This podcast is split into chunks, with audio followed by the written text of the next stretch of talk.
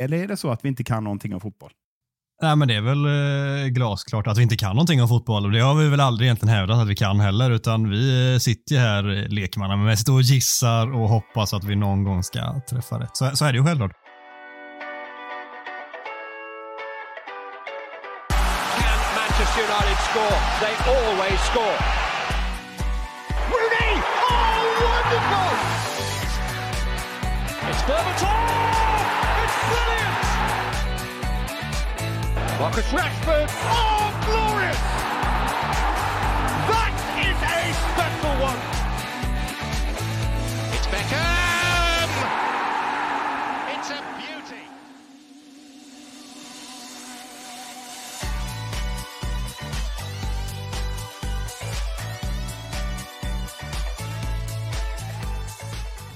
God morgon, förmiddag eller kväll när du än lyssnar ska du känna dig ruskigt välkommen till ett nytt avsnitt av United-podden. Podcasten som du inte visste att du längtade efter. United-podden görs i ett stolt samarbete med både den officiella supportklubben MUS och United-redaktionen på Svenska fans. Va? Två avsnitt av United-podden på samma vecka, tänker ni? Givetvis kunde vi inte bärga oss när United går som tåget, tänker vi. Ett extrainsatt avsnitt levereras därmed med samma millimeter precisa precision som Schaubert Carlos vänster doja. Efter en snudd på jättegodkänd insats senast är Micke petad från programledarstolen, men du är i ensamt mané tillbaka som enväldig, självutnämnd expert. Det känns väl bra? Ja, men det känns bra med tanke på att eh, jag hade förhoppningarna nu att eh, min hybris som eh, programledare är, är total. Så jag tänkte att ja, men Adam drar snart ett sms och skriver att han abdikerar för gott. Men fan, alltså, när, det inte, när det inte går att nå liksom, vad ska man säga, upp till, till Gud så får man ju sikta på, eh, jag vet inte vad, vilken nivå Mackan och Gustav befinner sig. Men eh, det var bra att vi tog det beslutet och, och utesluta dem från det här avsnittet känner jag. Ja, men du får köra den klassiska sikta mot stjärnan så når du kanske målen, Micke. Nej, fan vad fint. Eh, Nej, det, det känns ändå rätt bra. Alltså, det, är en, ja, det, är nog, det känns för jävla bra. Det är en ordentlig hybris eh, jag har, men jag noterar också att eh, pollensäsongen är här, eh, tydligen. så att det, om jag låter som jag sitter i en jävla burk så är det bara det. Men du har ju också den där skiten. Eller? Ja, ja, ja. Vi, vi går armkrok genom det här avsnittet mycket med vår eh, pollenskit och så ska vi inte prata mer om det för det tror jag fan är det tråkigaste folk vet att eh, höra om. Folk som gnäller på pollenallergi. så vi, vi skiter väl i det. Vet du vad jag känner? Jag tycker det ska bli jävligt skönt att styra den här skutan enväldigt ihop med dig den här, det här avsnittet utan Mackan och Gustav som har fått alldeles för mycket airtime på senare tid. Ja, det skriver vi under på. Ja, fan vad gött. Vilka känslor och egenskaper tycker du att vi ska låta det här avsnittet präglas av nu när vi kan göra precis vad vi vill? Ja, men jag, tycker, jag tycker just eh, ord, ordvalet hybris passar perfekt som ledstjärna genom det här avsnittet. Och, eh, ska det vara någon gång man ska ha en ordentlig hybris inför en match borta på Anfield så är det väl just nu, eller vad säger du? Ja, ja, verkligen. Och det ska man fan med tillåta sig ha också emellanåt. Vi har ju kommit in till den här typen av matcher de senaste åren och varit vettskrämda, livrädda och tänkt att bara fan, bara det inte slutar med mer än 0-3 i arslet så är vi väl ändå okej okay, liksom. Och nu kan vi äntligen få tillåta oss att känna att vi fan är med favoriter när vi kliver in i det här mötet och vi ska vinna med tanke på vilken form vi är i och vilken form vår motståndare är i. Så eh, tro fan att vi ska få ha lite hybris och vara lite glada för en gångs skull också. Det måste man tillåta sig. Ja, men det, det tycker jag. Så att, eh, ja, men hybris och glädje känns det som eh, vi slår fast det är perfekta ledord. Va? Jag lyssnade på en låt nu innan på din avsnitt för jag tänkte att vi kommer in i extra mycket, extra mycket känsla och det passar ju faktiskt in när det här avsnittet uh, släpps. Om jag säger att jag lyssnar på en låt med The Cure, kan du gissa vilken det var då? Nej, det, där är jag faktiskt svag. Alltså jag har ju, har ju nämnt tidigare att jag är ju ja, i stort sett topp tre i Sverige på musikquiz, men uh, The Cure, uh, den, den gränden backar jag ut och låter dig berätta. Du fick ju också en ledtråd när jag säger att eh, den passar bra när är avslutet snabbt. Så det är ju en fredag och då är det såklart Friday I'm in love. Ja, men där har vi den och det ska fan med in i avsnittet också. Den dunkar vi ut här och så kör vi vidare med avsnittet.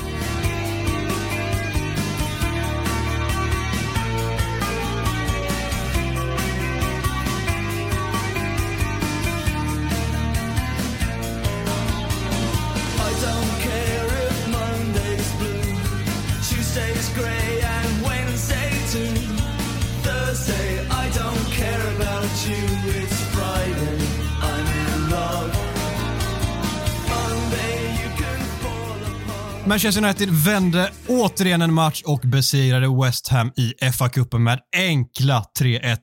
Hur oroad var du över en förlust under matchens gång, Micke? Ja, men det är väl enkelt att säga så här i efterhand med facit i hand att jag var inte särskilt orolig. Och, eh, ja, men det var jag fan inte. Eh, du vet, det var lite som, jag tror vi har nämnt det, och på tal om hybris, det är lite gamla Sir Alex-tider. Det spelar liksom ingen roll vad det står. Det spelar ingen roll vilka spelare vi har på plan. Man vet att ja, men det finns firepower på bänken så vi kastar in och så ändras hela matchbilden. Och den känslan hade jag med mig, eh, även om det såklart var jävligt snöpligt med det där målet. Men, ja, men det finns ju någonting som vi nämnde lite förra avsnittet. Det finns en kraft i laget, eh, en harmoni som gör att man inte ger upp som, man, som vi förmodligen hade gjort eh, bara för ett par säsonger sedan, eller för den delen förra säsongen. Så att, Nej, jag var fan inte orolig, även om det naturligtvis inte såg så bra ut. Det, det måste man ju ändå erkänna. Ja, men såklart. Det, det såg inte bra ut och vi ska prata lite truppbredd och sådär senare, så vi sparar just det snacket. Men det är klart att det, alltså spelarna, man märker på dem, du säger att det finns en harmoni, men det, alltså det gör det verkligen. Det finns ett sånt otroligt lugn. Det är ingen som stressar upp sig över att vi hamnar i ett underläge plötsligt, vilket eh, om vi också liksom jämför med bara ett år sedan tillbaka så är det ju, då var det fullständig katastrof att släppa in ett mål för det betydde att eh, det inte fanns en väg tillbaka. Vi var tvungna att ta ledningen i en match för att vinna en match. Och så är det ju inte idag. Och det är jävligt skönt att spelarna bara känner att vi kan luta oss tillbaka mot det spelet och den grundtryggheten som finns och den kvaliteten som finns i, i både laget som startar och de som finns på bänken. I det här fallet var det ju fan med en bättre bänk än en startelva och då kan Erik den här bara slänga in Marcus Rashford och Casemiro där och så vet han att det kommer, det kommer lösa sig. Det reder ut sig och det är precis vad det gör också. Det, det är rättvist att eh, från och med när United gör de bytena, när Casemiro kommer in i andra halvlek så sker det någonting på planen och då tycker jag att det är rättvist att United också vinner sen eh, matchen och att det till och med blir 3-1 det är såklart extra gött när Fredinho får smälla in sin sjätte balja för säsongen. Ja, tror jag. Det är helt, smått häpnadsväckande. Helt otrolig. Alltså, totalt självklar i alla avslutslägen nu för tiden. Han har ju några sådana här row Z eh, i sig per match eh, och så några strumprullar också. Men det känns som att när det väl, liksom väl gäller, det bara smäller det. Han är så jävla underbar alltså. Ja, det, det är få som gör mig så glad som honom. Jag, jag satt på jobbet igår och kollade matchen samtidigt som jag jobbade med en soffgrupp på eh, GP där och satt jag och en kollega och kollade. Och och hon är inte jätteintresserad liksom, av internationell fotboll. Hon har, gör mycket annan sport. Men eh, sitter alltid med mig när jag kollar på United där på kvällarna. Vi har alltid samma kvällspass och så så sitter hon och bara, fan, det, är, kul att kolla nu liksom, när United spelar. Det är kul, kul framförallt för stämningen, att du blir glad också. Och sen så har hon fattat tycke för just Fred nu, mm. för att han har ju sånt otroligt hår. Hon tycker han ser så jävla härlig och glad ut med sitt breda leende och ser ut som världens mm. mysigaste, mysigaste snubbe. Så Fred har blivit hennes favoritspelare nu och det, det gillar jag verkligen. Ja, men Fred, alltså, vi kan ju fastna i honom hur länge som helst och vi gör det i stort sett varje avsnitt. Men det känns lite som att han har passerat Andersson nu som kultspelare, eller? Kan det, vara, kan det rent av vara så? Alltså för nutida United-supportrar är det ju verkligen så. Jag har svårt att svara. Alltså, även om jag själv såklart var, var med när Andersson kom fram så för mig är det i alla fall Fred, en större, han är en större kultspelare plötsligt än vad Andersson var. Det, det vill jag påstå. Och på tal om låtval eh, och Fred så har jag noterat att det cirkulerar en, en gammal klassiker. Eh, mitt favoritkonto som jag refererar till, Alternative MUFC, som är helt ja, det är brutalt bra konto. Och just nu så, så öser de på, men gamla fina Don't worry, be happy alltid med Fred. Och jag, jag tänker verkligen så. Det, det är Fred i Zenit när man lyssnar på den låten.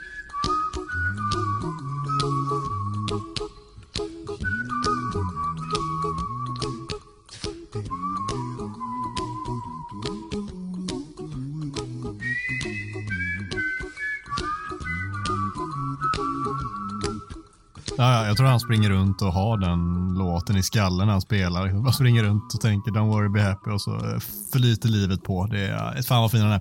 Here's a little song I wrote You might want to sing it note for note Don't worry Be happy men du, jag tänker att du ska få gå igenom, inte veckans macka, utan veckans bajs-Micke på den här matchen. Vi river av den lite snabbt och lätt och så går vi vidare sen.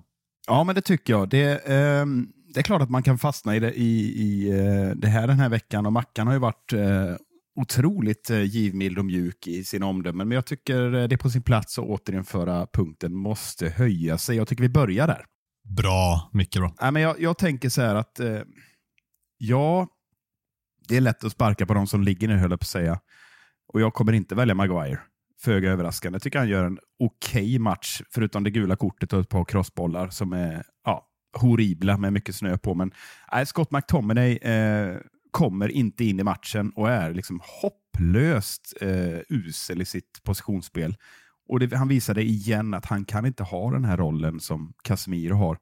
Nu blev det liksom någon 50-50 där med han och Sabitzer sprang omkring eh, och försökte få hjälp av Bruno.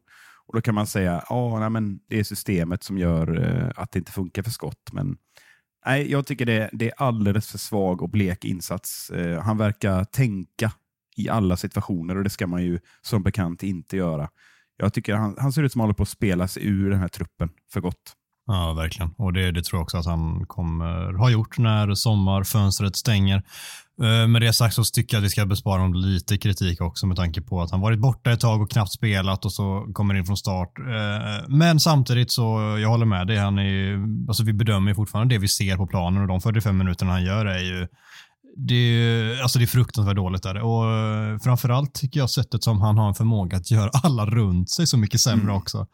Många, alltså Casemiro gör ju alla tio gånger bättre än vad de nästan är medan eh, McTominay gör dem fan med tio gånger sämre istället genom att liksom sprida bollar och vara osäker och man vet inte hur han ska hantera situationerna. Helt plötsligt är han på ett ställe, plötsligt är han på ett annat. Liksom, det går inte att, som medspelare måste det vara helt omöjligt att räkna ut vad han ska göra. Lite som Fred i sina sämsta stunder varit tidigare när mm. han bara springer runt överallt och ingenstans.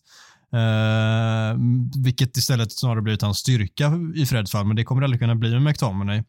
Och i den rollen som McTominay ska ha så är det absolut inga egenskaper som man eftersöker. Och då blir det, alltså det blir ju verkligen en, en bajsmicka av alltihop. Ja, tyvärr är det det. Och, eh, bara för att runda av, man kan ju jämföra, det finns ju andra spelare i, i toppskiktet på Premier League. Jag tänker på Sean Longstaff i, i eh, Newcastle som, som har gjort en fantastisk säsong han är inte, har inte bättre egenskaper än vad Scott McTominay har. Så att det jag menar är att det finns en ljus framtid för Scott, men förmodligen är det inte United. Nej, kanske i ett Newcastle, kanske i ett West Ham som vi mötte. Alltså, det känns någonstans som att det är kanske den nivån han ska landa på i slutändan när han lämnar Manchester United. Okej, vi tittar på de två bästa prestationerna om vi börjar med andra platsen. Vem har du eh, satt upp där? Ja, alltså det krävs ju ingen större intelligens för att, för att genomföra den här näst bäst och bäst nu för tiden. Eh, alltså, vi ser ju alla vad som händer när Casemiro kommer in på planen. Det är nästan löjligt. Det är precis som att det är lite som Zidane. Eh, om du kommer ihåg, när han fick bollen så var det precis som att folk backade tre steg. Man vågade inte gå på honom.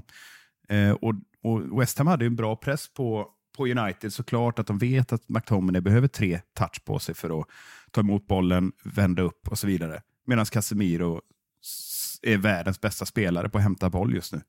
Och det blir som en, det bara öppnas upp som, eh, vad fan är det, Moses och, och, och, vattnet liksom när han får bollen. Han är, han är helt otrolig på det. Han ändrar hela matchbilden. Och jag har valt att sätta honom som näst bäst. Så eh, du kanske vill höra den som är bäst innan du tycker till då? Kör. Ja, och det är ju matchvinnaren som jag vill kalla det. Förlåt Fred, men eh, det var inte du som avgjorde matchen, även om du släckte allt hopp från West Ham. Men Alejandro Garnacho är otroligt vass i, i den här matchen och eh, sättet han tar ner den här förlupna returen från Weghorst som skjuter på en West Ham-försvarare, eh, lägger an och bara placerar in den som om han har spelat på toppnivå i tio år.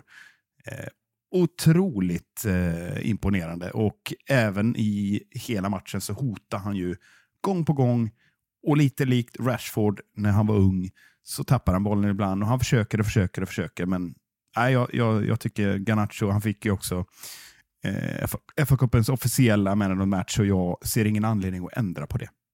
Nej, verkligen inte. Garnacho är bäst eh, på plan, bäst i United och framförallt när han är matchvinnare så är det ju svårt att ge honom någonting annat än det. Och det tycker jag ändå ska säga samtidigt att han, han blandar ändå, framförallt under den första halvleken. Han, han försöker hela tiden och det ska han ha cred för, men det är också många gånger som det bara tar bomstopp och att han väljer att gå rakt på en spelare när han i vissa fall kanske ska välja att lugna ner spelet lite istället när vi har haft en, en tuffare sekvens i matchen. Och Det är sånt han lär sig givetvis och ja, i grund och botten tror jag Erik den gillar att han har den här inställningen att bara köra. Det är hellre den att han vågar hela tiden, att man kan skala ner det än tvärtom, för det är väldigt mycket svårare att lära en spelare att våga ta för sig än, än att skala ner på det. Så äh, jättebra insats och framförallt att han redan som 18-åring, när han lär sig väldigt mycket av spelet på seniornivå, kan samtidigt kliva in och vara matchavgörande. Det, det säger väldigt mycket om vilken äh, nivå det finns i honom. Så givetvis, och Casemiro säger sig självt, han kommer in och gör den stora, stora förändringen på matchbilden. Han kommer in i paus. Givetvis ett, en tvåa där. Sen vill jag lyfta upp två stycken bubblare som inte mm. riktigt når upp upp till att peta de två, men de Gea först och främst gör ju flera jättebra räddningar. Det är ingen som är på den nivån som mot Leicester, men det är ett par räddningar som är väldigt eh, svettiga och vassa. Framförallt är det starkt att bara krympa ytorna för Antonio i första halvlek och stänga igen det friläget. Och han har ett par räddningar till som håller oss kvar i matchen i mångt och mycket.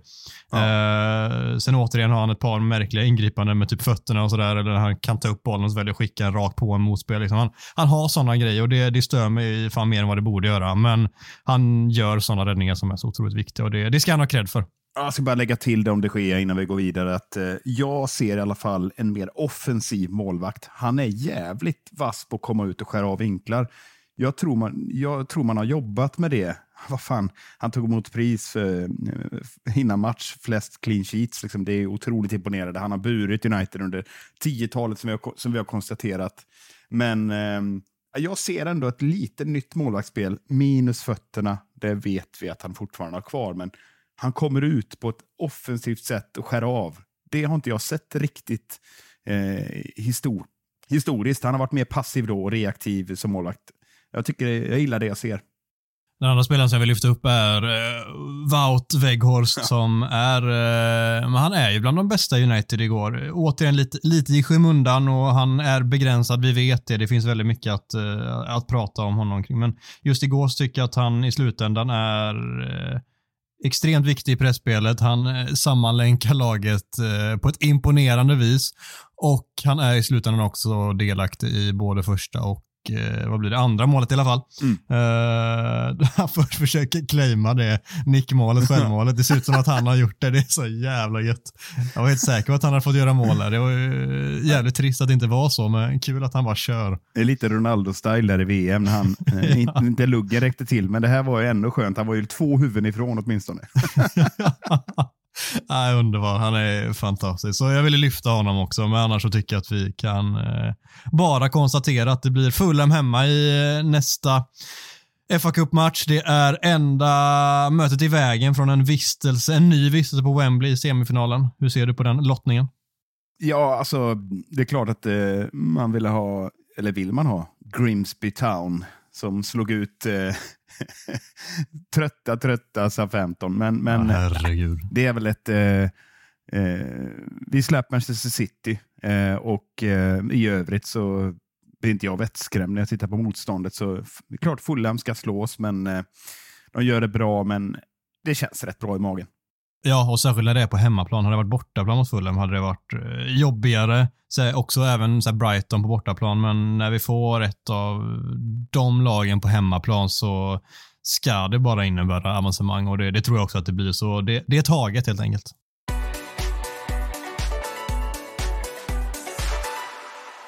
Succésegmentet Talk of the Town är tillbaka med fem stycken påståenden med aktuella ämnen som vi helt enkelt diskuterar huruvida det är sant eller inte. Och en spelare som vi nyligen har nämnt ska vi börja med. Alejandro Garnacho är Premier Leagues bästa tonåring. Är detta sant, Micke? Ja, men jag satt och, och, slog lite grann på de tonåringarna som jag i alla fall jag har noterat. Du har säkert en liten bruttolista där också, men, men eh, yes. ja, alltså, jag bollar tillbaka den och kastar upp lite namn här, så ber jag dig liksom, eh, ta oss igenom det här. Eh, Ferguson i, Evan Ferguson i Brighton, eh, gjort 3 plus 2. Eh, en succé får vi ändå säga. Ja, liksom, de verkar ta fram i någon slags fabrik nya spelare bara när de har sålt någon för 500 miljoner. Så det är Ja. ju det är sjukt. Och Och, eh, det är en hyperintressant, jag vill bara nämna det kort, bara, det är en hyperintressant spelare också. Han har fått väldigt mycket cred ute har jag sett och eh, befogat också. En spelare som lite går att jämföra med, med Rooney, alltså Mm. väldigt mångsidig spelare som kan göra väldigt mycket på en plan som i tidig ålder också som, eh, som anfallare. Så eh, såklart en bra shout. Och klassiskt eh, rätt mentalitet, eh, hö, stor arbetskapacitet och så har han bevisat att han kan göra poäng. Så han har jag plockat fram som kandidat som eh, är emot här. Sen eh, den här, eh, alltså jag hatar att uttala sådana här namn som har sju konsonanter i rad, men Leeds-spelaren som gjorde mål mot oss, Gnonto, eller hur uttalar man det? Mm. Njonto tror jag de Njonto. körde i sänd- sändningen, men det vet inte fan om de har rätt, det har de ju sällan. Ja, det är lite så. Vi ligger där någonstans eh, på samma nivå, men eh, han har ju också varit vass, men jag, jag har upptäckt honom på senaste. Eh, också sådär lite som Garnacho, irrationell och, och liksom otroligt duktig med bollen med sig nära kroppen hela tiden. Så det, det är en spelare. En annan spelare såklart eh, Bajcetic i Liverpool som Mm. eh, har gjort en otrolig eh, insats under den här kräftgången de har haft sedan VM. Eh, det får man ju faktiskt ändå ge honom. Och sen sist, innan jag slutar prata, Rico Lewis har väl varit eh, den spelaren som i alla fall jag eh, tänker mig att det är eh, nästa eh, City- City-spelare att inte explodera, men att eh, få en, en roll motsvarande Foden kanske. Så det är, de, det är de jag har hittat. Har, har jag glömt någon här när vi ska jämföra? Då? Nej, det tycker jag inte. Det är precis samma spelare jag har och jag hade- även tänkt att nämna kort Harvey Elliott också, men han tycker jag inte ska nämnas i det här sammanhanget, i alla fall inte just nu. Han är inte på den nivån som de andra i dagsläget, så då är det de här vi landar i. Och eh, om du ska rangordna detta, framförallt ur ett Garnacho-perspektiv, du behöver inte slänga in samtliga i en viss ordning, men vad, vad tycker du att Garnacho håller för nivå jämfört med dessa? Nej, men jag, jag, det är lite svårt att jämföra dem eh, alla i och med att det är olika positioner såklart. Men, men jag tycker jag fastnar lite grann vid Bajcetic, Ferguson och Garnacho. De tre tycker jag eh, har imponerat mest på mig. Eh, och eh, det är klart att eh, just nu så är det lätt att, att åka med i den här hybrisen och säga Garnacho är solklar. Eh, och det kanske avgörs på, på söndag, eh, vem som är bäst. Men Vore sjukt om det avgjordes på söndag, Ja. men ja visst. Ja, nej, men skämt åsido. Just bäst just nu och jag, jag väljer ändå att eh, fortsätta på hybrisen som vi hade som ledord. Ja, Garnacho är Premier Leagues bäst, just nu bästa tonåring. Såklart att han är. Och det är givetvis så att vi ska rida vidare på hybris-spåret där. Men jag, jag, alltså jag tycker att Bajsetic är, är väldigt, väldigt nära och det, jag är också så otroligt svag för den typen av spelare som Bajsetic är, mittfältare med sköna fötter och som också kan göra väldigt mycket på mittfältet. Mm. Det, det är tyvärr en spelare som sannolikt kommer vara en av ligans eh, bästa mittfältare om han bara fortsätter sin, eh, sin utvecklingskurva. Precis som Garnacho kan bli eh, absolut en av ligans bästa yttermittfältare om han fortsätter sin utvecklingskurva. Så det, det får vi väl hoppas för rivalitetens skull också. Sen att Garnacho blir lite, lite bättre är såklart alltid viktigt. Ja, Men det, eh, det slår vi fast. det slår vi verkligen fast. Eh, med det sagt så det, det finns ett par intressanta tonåringar där ute, men våra är alltid bäst som vanligt. Manchester Uniteds bänk är för svag och de flesta måste bort i sommar. Och Det är ju lite kölvattnet av gårdagens insats mot eh, West Ham här där vi återigen ser att eh, prestationerna droppar eh, betänkligt när vi börjar rotera och spelare som McTominay ska in och vi har ett mittbackspar med Lindelöf och Maguire som inte är i närheten av lika bra som Martinez varann och det kommer in en Malaysia istället för Shaw etc. etc. Och eh, då ska vi helt enkelt eh, prata om detta eftersom att det är så många som skickat in frågor om det framförallt också våra kära lyssnare. Och eh, att säga att eh, de flesta måste bort, jag vet inte vad man räknar med de flesta, men alltså det, det, är klart att, det är klart att några behöv, by, behöver bytas ut. Vi behöver få en starkare bredd i truppen.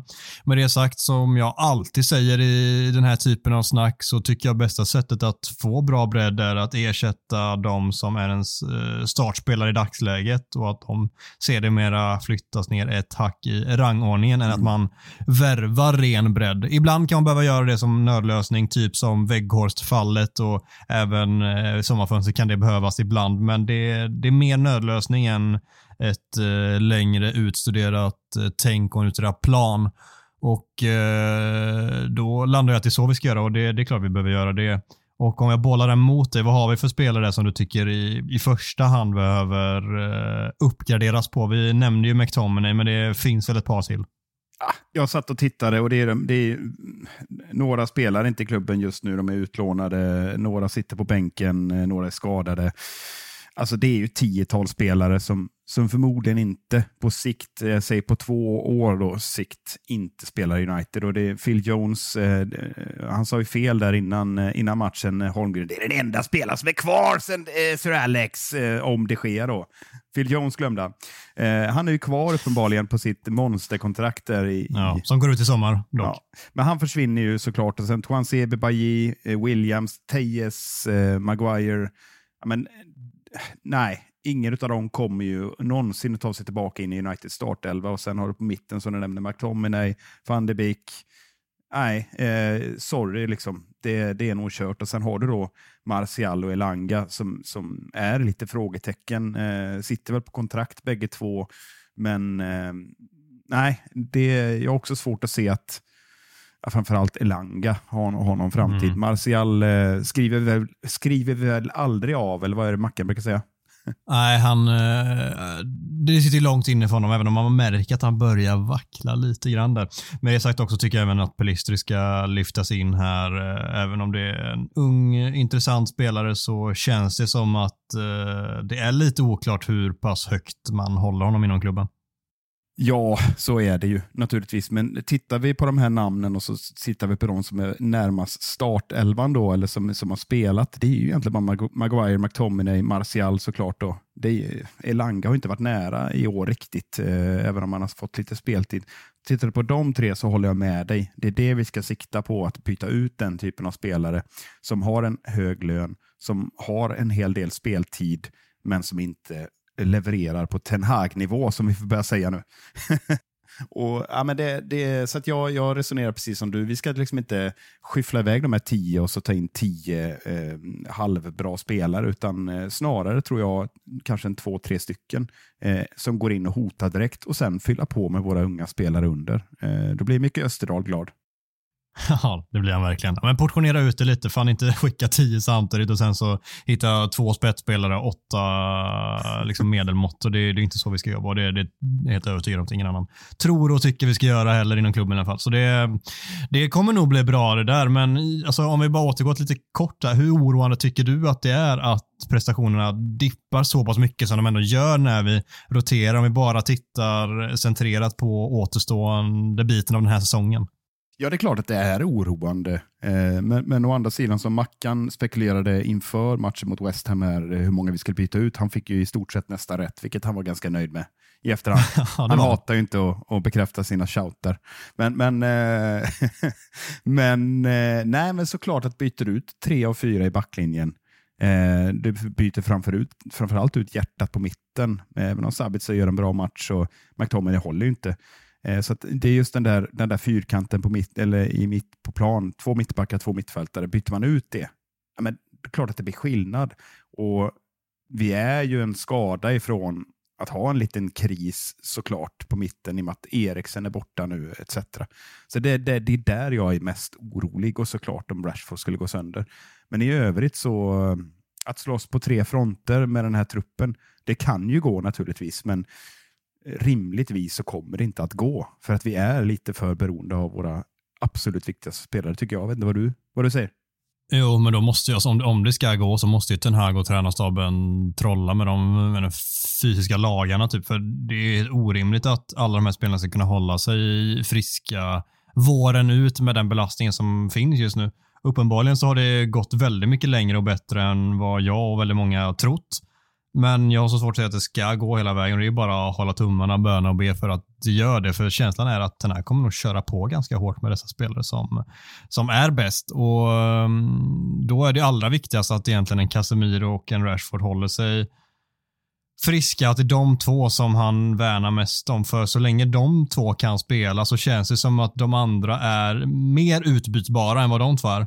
Mm. Så, så länge Casemiro kan spela på mittfältet så spelar det mindre roll vilka som spelar runt om honom än eh, om man plockar bort honom. Då plockar bort honom så måste det vara Fred och Sabitzer och det måste bli en matchbild som passar dem, vilket vi såg de matcherna när Casemiro var avstängd. Men så fort eh, Casemiro inte spelar och det inte är de två och det är inte bra förutsättningar så blir det ju High Chaparral av allt ihop. Och eh, Det är ju det som är det viktiga. Alltså Casemiro måste eh, hållas fräsch, pigg och eh, fan, extremt skadefri. Ja, jag skriver under på det. Jag tror de flesta som lyssnar på det gör det också. Så att, eh, det, där stänger vi den va? Det gör vi. United-podden kan ingenting om fotboll. Wout Weghorst har varit bäst i laget sedan han skrev på. Och Micke, du får fylla i med lite skön kontext här. ja, men så är det ju. Vi får ändå, på tal om hybris får vi ändå säga att eh, vi får oftast bara beröm eh, i United-podden. Det får vi ändå ge oss själva, eller?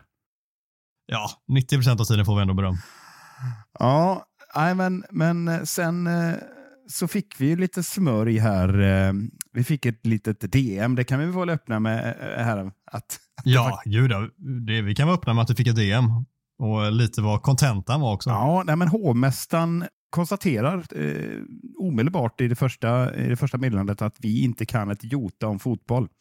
Eh, och eh, varför då undrar man ju. Ja, men då, då är det ju Veghorst där vi har uppenbarligen inte lyft hans storhet eh, tillräckligt mycket, enligt hovmästaren i alla fall. Eh, vi har totalt missförstått vad han är för spelartyp. och Ja, eh, det har varit otroligt kul att diskutera detta, fortsätter hovmästaren här. Och ni, eh, ni eh, vi får också gärna återkomma om vi har lite frågor. Eh, mm. Och har vi det eller? Har vi lite frågor vad han menar här? Eller, har, eller är det så att vi inte kan någonting om fotboll? Nej, men det är väl eh, glasklart att vi inte kan någonting om fotboll och det har vi väl aldrig egentligen hävdat att vi kan heller utan vi eh, sitter ju här lekmannamässigt och gissar och hoppas att vi någon gång ska träffa rätt. Så, så är det ju självklart. Eh, och Wout Weghorst, har vi varit lite för hårda mot honom kanske? Tycker folket där ute, borde vi tycka att han har varit bättre än vad vi har gett honom beröm för? Vad tycker du?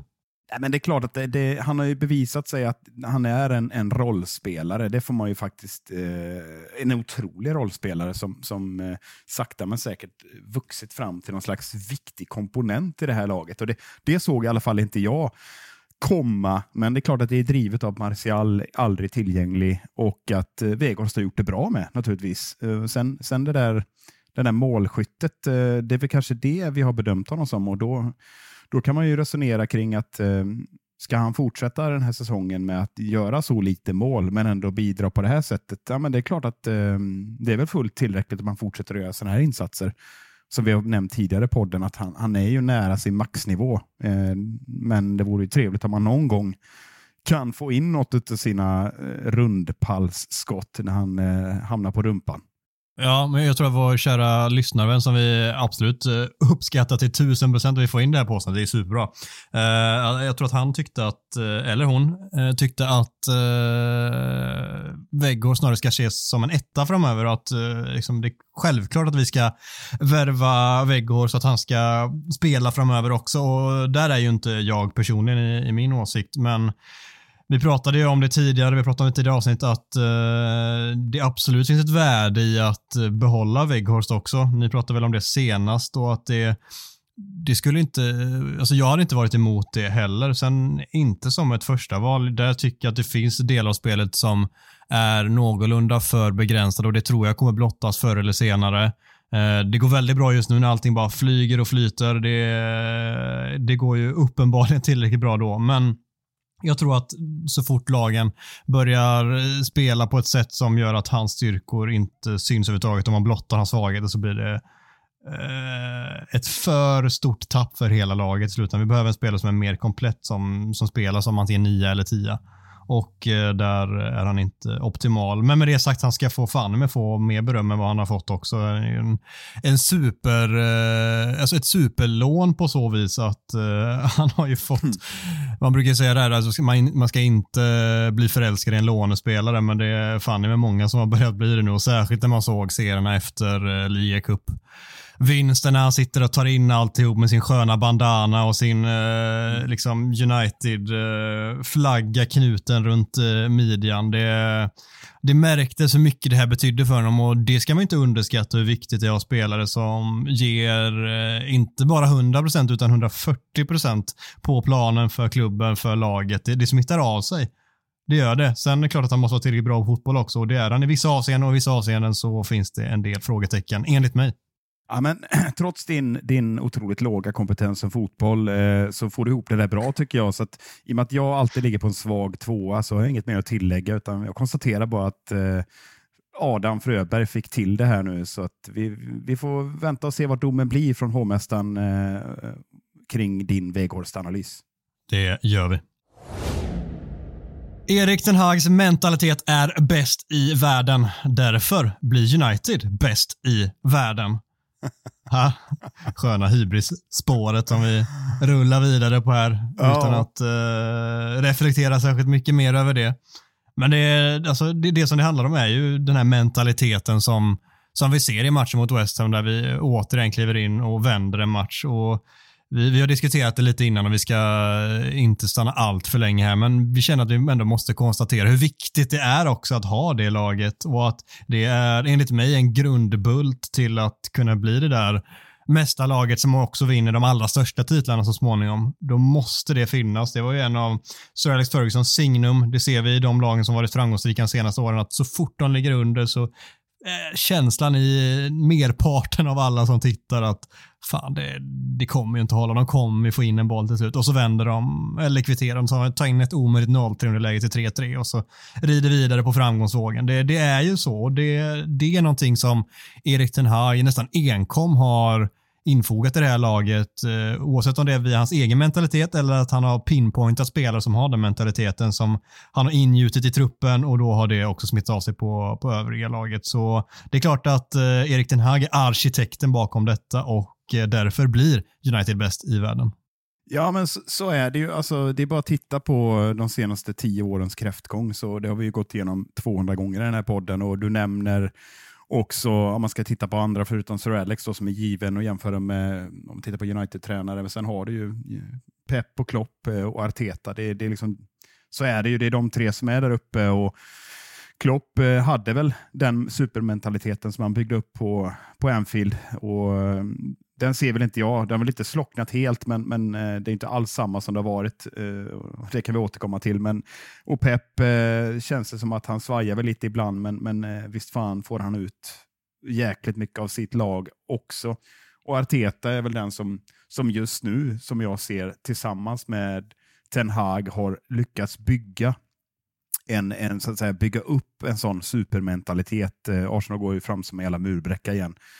Så det är väl de två jag ser just nu som har liksom skapat en sån energi i ett lag som har känts i lag som har känts lite, vad ska man säga, eh, långt ifrån toppen. Bara för typ 18 månader sedan så, så satt ju alla och pratade om hur långt ifrån United och Arsenal var eh, Liverpool och City. Det var väl eh, Chelsea och Tottenham som nämndes som, som potentiella utmanare och nu ser det lite annorlunda ut kan man ju säga. Så att, jag håller med dig. Det är Ten Hag eh, tillsammans med Casemiro, Varan och no några till, Rashford, har ju lyckats skapa den här vinnarmentaliteten tillbaka och det är bara det är bara att, att, sitta tillbaka och njuta och hoppas på att den fortsätter. Och jag tror ju knappast att om vi sitter här om ett år att det ser sämre ut.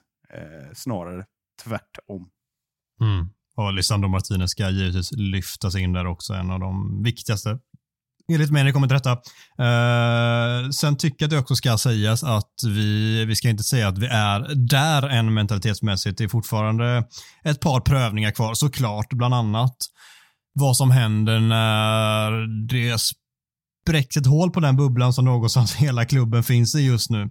Vad händer om det blir en rejäl käftsmäll mot Liverpool, gud förbjude, eller eh, något dylikt framöver när det plötsligt blåser lite snålt, det går tyngre finns den mentaliteten kvar då? Det är, ju liksom, det är då vi faktiskt ser om han har lyckats implementera den fullt ut och lyckas vi resa oss då efter en käftsmäll? För alla lag får käftsmäll, alltså käftsmäll även de allra, allra bästa. Mm. Lyckas vi resa oss upp då och prestera på toppnivå matchen efter det och resa oss liksom och bara börja plocka med tre poängarna igen och att det inte går något, eh, något troll i det för att vi förlorar en match, då har vi verkligen sett till att implementera det här mentalitetstänket. Min magkänsla säger just nu att eh, vi kommer att resa oss. Det kommer komma setbacks, som man säger. Och vi kommer att resa oss. Jag ser det framför mig i alla fall. Eh, så eh, jag, ja, med det sagt, eh, ja, eh, Ten Hags mentalitet är på väg att bli bäst i världen och det kommer att leda till att United är tillbaka där inom ett par säsonger.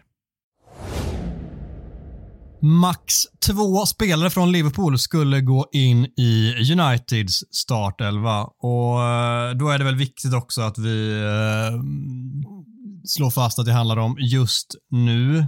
Den eh, formen som spelarna är i just nu när vi kliver in i det här mötet. Senaste halvåret den här säsongen ni fattar, ni som lyssnar. Och eh, Då tänker jag att vi går igenom egentligen position för position, de olika alternativen. Och så ska du och jag som eh, enhälliga härskare avgöra vem som ska plocka den positionen. Mm. Och eh, Om vi börjar med målvaktspositionen, då är det ju såklart endast mellan de Gea och Allison. Vem eh, lutar du åt här? De Gea. Eller du kanske är helt övertygad. Är det de Gea? Ja. Mm. Ja, jag ja, jag tycker ju att Alisson går före här. Det gör jag. Även, även om man har blunden i sig eh, färskt i minnet mot eh, Real Madrid. Nej, men jag gör verkligen inte det. det, och det men det framstår ju som det när jag sätts i den här situationen. Jag, jag håller honom jättehögt och älskar väldigt mycket som han har gjort för den här klubben, men jag tycker fortfarande inte att han är så jävla bra och, eh, i dagsläget och därför så väljer jag Alisson före. Men eh, det det var en det, det är jämnare, det är jämnare än, äh, än äh, vad jag kanske låter som att jag tycker. Om vi går in på vänsterbackspositionen då, för jag vill börja i den änden den här gången, då är det ju Shaw mot Robertson. Äh, såklart Shaw.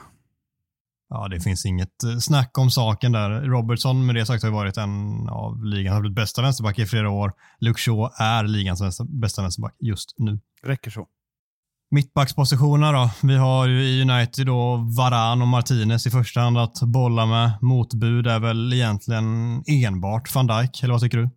Ja, och det är klart att van Dijk har dominerat eh, på den positionen i, i fyra, fem år. Det får man ju faktiskt ge honom, minus det här skadeåret. Eh, men eh, verkar ha kvicknat till lite grann, men jag tycker faktiskt inte att han, eh, han räcker inte till. Utan eh, Jämför han mot Varan? Absolut nej. Eh, jämför han mot Martinez? Ja, då är han närmare. Men, eh, och sen vad, vad har de ens? Matip och Gomes, det, vad är det för skämt? Det är väl... Nej, eh, alltså, nej. Det Konate är ju väldigt bra på sin höjd också, men också blandat och gett och lite skadebekymmer fram och tillbaka som många av deras mittbackar. Och då tar han sig absolut inte förbi någon av de tre vi har nämnt där. Nej, jag, jag tycker Uniteds mittbackar går före just nu. Mm, det gör jag också. Van Dijk har ju inte varit lika bra i år, inte lika självklar och det har vacklat lite. Göra mål senast förvisso här mot, eh, mot Wolves, ett jätteviktigt mål för Liverpool. Men eh, det är ju inte framförallt offensiven han ska bedömas för, utan det defensiva och där är det inte lika självklart som det har varit och då eh, är jag betydligt tryggare med Varan och Lisandro Martinez. Högerbackspositionen då? Här har vi Trent mot Wan-Bissaka och Dalot. Ja, alltså Trent är ju faktiskt min, ska jag säga nu då, min favoritspelare i Liverpool. Eh, har du en favoritspelare i Liverpool? Ja, jag har alltid hållit honom väldigt högt, men han är ju totalt klappusel i positionsspelet.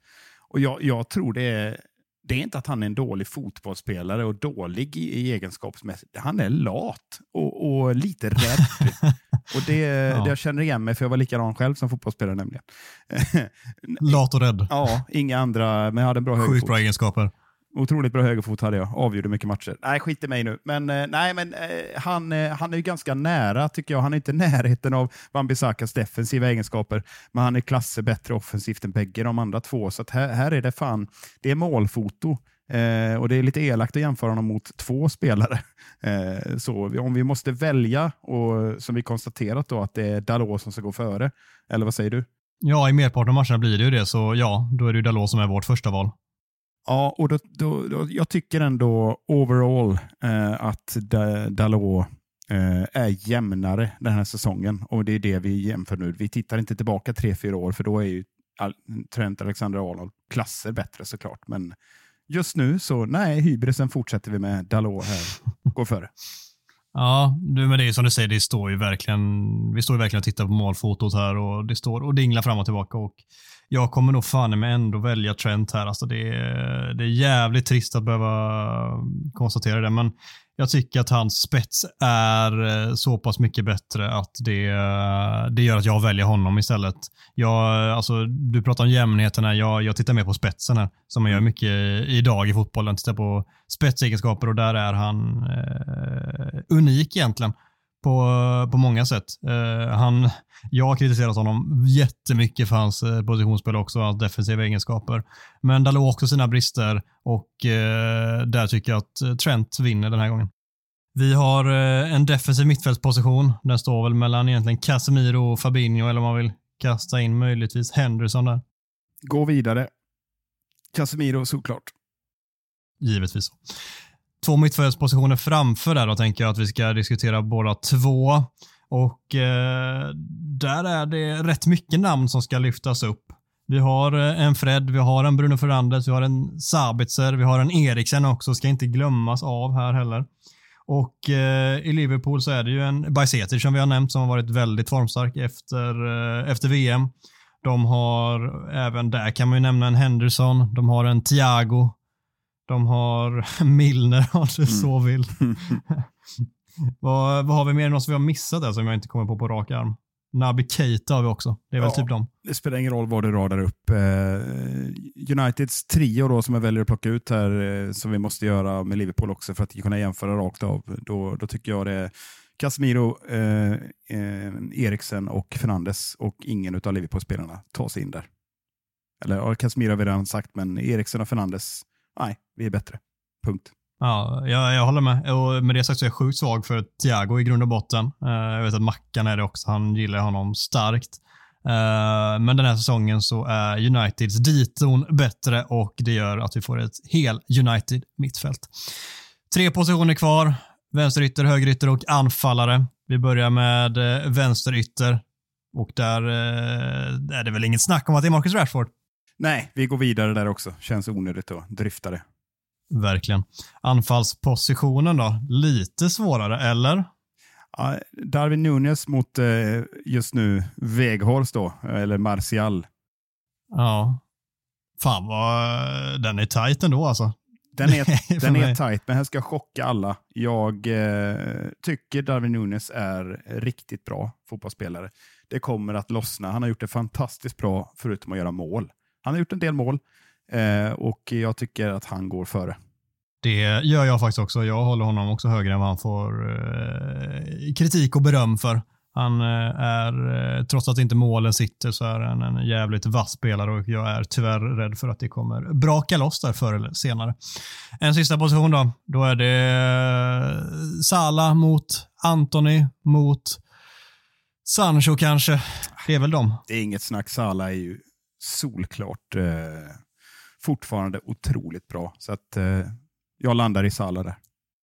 Ja, det eh, gör jag också. Jag tror att han har gjort typ 20 mål tot i år. Det, det är starkt i ett lag som inte har fungerat eh, nämnvärt den här säsongen. Det, det ska han fan men ha. Egypten. Och eh, en spelare som jag ändå vill nämna här som vi inte har sagt, som absolut inte kommer i närheten av eh, den här elvan är ju Cody Gakpo som eh, United ryckte i. Liverpool vann dragkampen och det får väl vara tacksam för. Ja, hittills får vi ändå säga det, men det är klart att det är orättvist att bedöma honom. Kommer in i ett lag som är dysfunktionellt och just nu, vi får se vad som händer här, men han lär väl leverera. Men vad, vad hamnar vi på nu egentligen? Jag hamnar på två spelare, Nunez och Salah. Ja, jag hamnar ju på fyra. Allison, Trent, Nunez och Salah. Ja. Fyra av elva, eh, det är ändå det, det, det är ju övervägande United, vilket känns jävligt skönt. Frågar du Liverpool-supportrarna så håller de inte med och backar ett år så har det, har det förmodligen varit eh, det omvända. 110 procent så. Men vi skickade också ut frågan i vår eh, berömda gruppchatt här. Vad, vad landade våra kära poddkollegor i? Jag tror att eh, Mackan, om jag tar honom först, eh, så skriver han efter många bud landar jag i att Trent och Sala får plats och då är det endast de hybrisen är total, skriver han. ja, Mackan vet jag gillar Milner också, men... Ja, det är hans favoritspelare i världen. vad hade vi, vad hade ja. vi på Gustav då? Ja, han har skrivit eh, Alisson, van Dijk och Sala. Och då tycker Mackan att van Dijk är eh, kontroversiell här.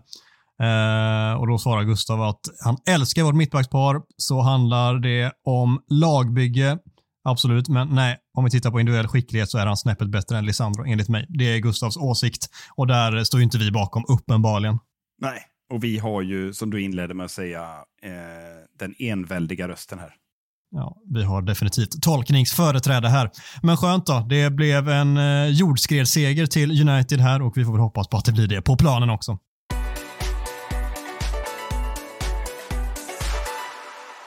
Härnäst väntar ytterligare en sån där mega match när Erik Den Hags Mighty Reds ska ta sig an Jörgen Klopps Vi letar efter ursäkter under varje sten Reds på bortaplan.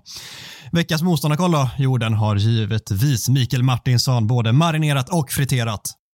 Ja, men fan det känns, eh, det känns alltid extra och kanske lite extra extra härligt den här veckan att möta Liverpool. Eh, vi vet vi är klassiker att de här matcherna lever sina egna liv, jada jada. Eh, men eh, ja, som jag inledde med att säga så har väl känslan aldrig varit eh, bättre inför en bortamatch på Anfield. Men då går det väl åt helvete. Nej, men eh, tittar du tillbaka i historien så noterar i alla fall jag i och med ligacup-triumfen eh, här eh, att vi leder med en titel mot Liverpool totalt sett. Eh, 67-67 noterade jag. Märk väl, det går att kolla detta, men stod det inför. Eh, men nu har United tagit sin 68 titel, så det leder vi ju såklart. Och när det gäller ligasegrar vet vi alla hur det ligger till. Behöver jag repetera det? Eh, Nej. Där står det 2019. Europa däremot hoppar vi över. Eh, där leder fortfarande Liverpool med 6-3. Och Går vi vidare i, i, historiken här så kan vi konstatera att 211 matcher har spelats mellan lagen. Men såg du förbi Europa League-titeln där? Ja, eh, men eh, det gjorde jag väl. Men 3-6 eh, står det väl ändå totalt, va? eller gör det inte det? I Champions League står det 3-6 verkligen. Så, så, tyvärr, men ja, vi kan väl bredda Europaperspektivet så småningom. Vi har ju plusstatistik på de här 211 matcherna. 83 segrar till United, 70 till Liverpool och 58 kryss. Kommer vi lite närmare att titta sedan 2010, vilket är mer intressant, och så kan man ju notera tre olika cykler eh, i hur det brukar gå här. De första eh, åtta, åtta, tio matcherna i början där så vann vi i princip varannan match. Det var lite så här, man turades om att vinna och sen kom vi in i en cykel när United hade nio raka utan förlust. I ligan pratar vi om nu. Och sen de senaste innan den eh, senaste United-vinsten här så hade Liverpool åtta raka utan förlust. Så man går liksom in i lite olika cykler och frågan är vad vi går in i för cykel nu då om man ska leka med tanken att Uniteds egen senast innebär att det är dags för oss att mm. ha åtta, nio raka. Men det är rätt intressant och, och, och att det finns en sån eh, historik att ta, att ta med sig. Verkligen. Om vi tittar på ehm, de eh, största hoten och tittar på liksom hur Liverpool har presterat det senaste så är det väl framförallt Salah och en eh, Darwin Nunez som vi båda två har varnat lite för att det kan explodera när som helst och då hoppas vi såklart att det inte är mot eh, United. Vad, vad ser du i övrigt att vi ska se upp med allra främst? Nej, alltså jag, jag hade tagit fram de namnen också eh, såklart. Eh, men, men de saknar ju Diaz som jag tyckte var bra innan han blev skadad. Thiago som vi har nämnt har ju kapacitet. Jag tror det är lite dag till dag på honom, men jag vet inte om han kan bli aktuell i helgen. Troligtvis inte från start i alla fall. Och sen har de eh, lite andra doubts, men, men eh, den här Arthur har jag funderat på. Vi säger, frågar alltid om BB finns, men finns Arthur? Nej, Arthur finns inte. Ja, Arthur till och med, men ja, Nej, skitsamma. jag har ingen aning hur det uttalas. Det var bara jag som ville slänga med något annat. Ja, Jag, jag, jag, eh, jag ser egentligen inga andra superhot eh, hos Liverpool. Det, det är klart att eh, de kan sätta en perfekt match här och få ett tidigt mål etc. Jag tror det är mer att, Få med sig publiken det- och så vidare. det är lite det jag ser som ett hot, att, att de går på knock och får utdelning tidigt. Det, det är väl det enda hotet, så att de får in sin laginsats. Och det, då är det klart att jag är mest rädd för när Salah får bollen i hög fart. Så är det ju. Ja, men fan, så länge Luxo, han är ju tyvärr ett, eh, ett doubt också med tanke på att han är lite skadekänningar efter ligacupfinalen och inte kunde vara med i truppen senast. Och det, det är oroväckande med tanke på att om det blir Malassia mot Salah, vilket det var i eh, mötet i, eh, i höstas ska jag säga, så det gick ju rätt okej. Men eh, i dagsläget så oroar det mig ännu mer än vad det gjorde där och då. Och Eh, då vore det så otroligt skönt att få in eh, Luke Shaw där som jag tror kommer lösa det tillräckligt bra för att det inte ska kosta oss en, eh, ja men i alla fall att vi inte skulle förlora matchen.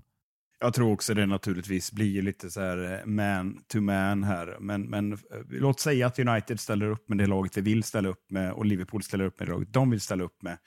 Då har vi, skulle jag säga, en stor chans att vinna.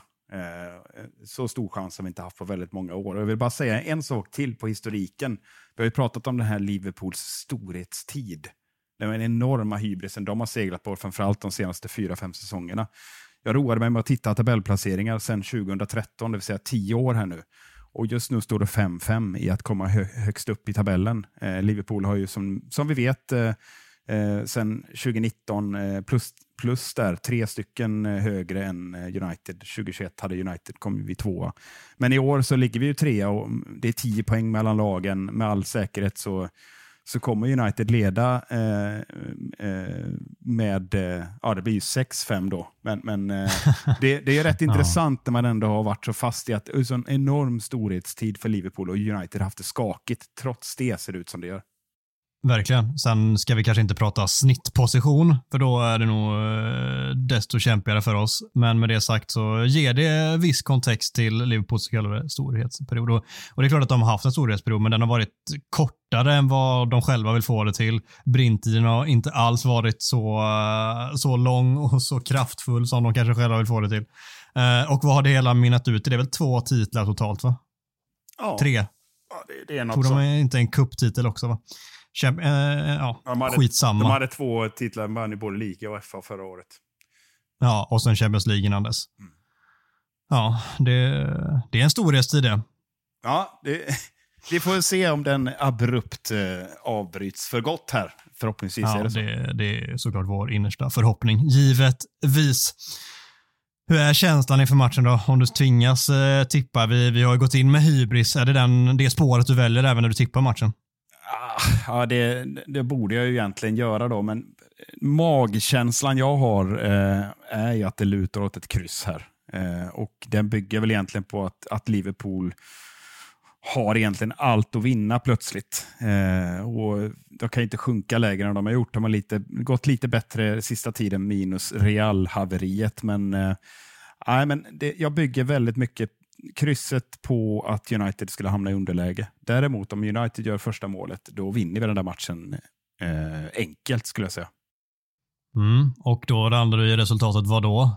Kräver jag dig på? Ja, men jag blir, jag blir den eh, lite tråkiga här då, så att jag säger att det blir 1-1. Mm. Jag säger att det blir, eh, det blir 1-0 och jag tror att det blir en jävligt, eh, till United då, men jag tror att det blir en jävligt det blir en jobbig match på så vis att eh, jag tror att det kommer, det kommer inte eh, regna målchanser i den här matchen. Jag tror att det kommer vara två lag som är, eller framförallt Liverpool är jävligt rädda att förlora och eh, de vet hur mycket det skulle betyda att få med sig en seger här, vilket gör att de kommer se till att, att det, att det vad ska man säga, de vill inte riskera någonting när de öppnar upp sig för mycket, vilket kanske lite emellanåt går emot Klopp, men han eh, är pressad nu och det är ett annat Liverpool som vi möter den här säsongen än vad det var tidigare. Så då tror jag att det blir ganska tillknäppt. United har det svårt på Anfield. Det är en jobbig match och då får de med sig lite publiktryck där och det blir lite grisigt, så tror jag att det länge kan stå 0-0. Men eh, vi är ju också ett eh, annat United vi också än vad vi var tidigare och eh, det räcker långt. Rashford avgör såklart igen och vi får se hans berömda målskytt framför The Cop. Ja, vi får hoppas att du har 100% rätt.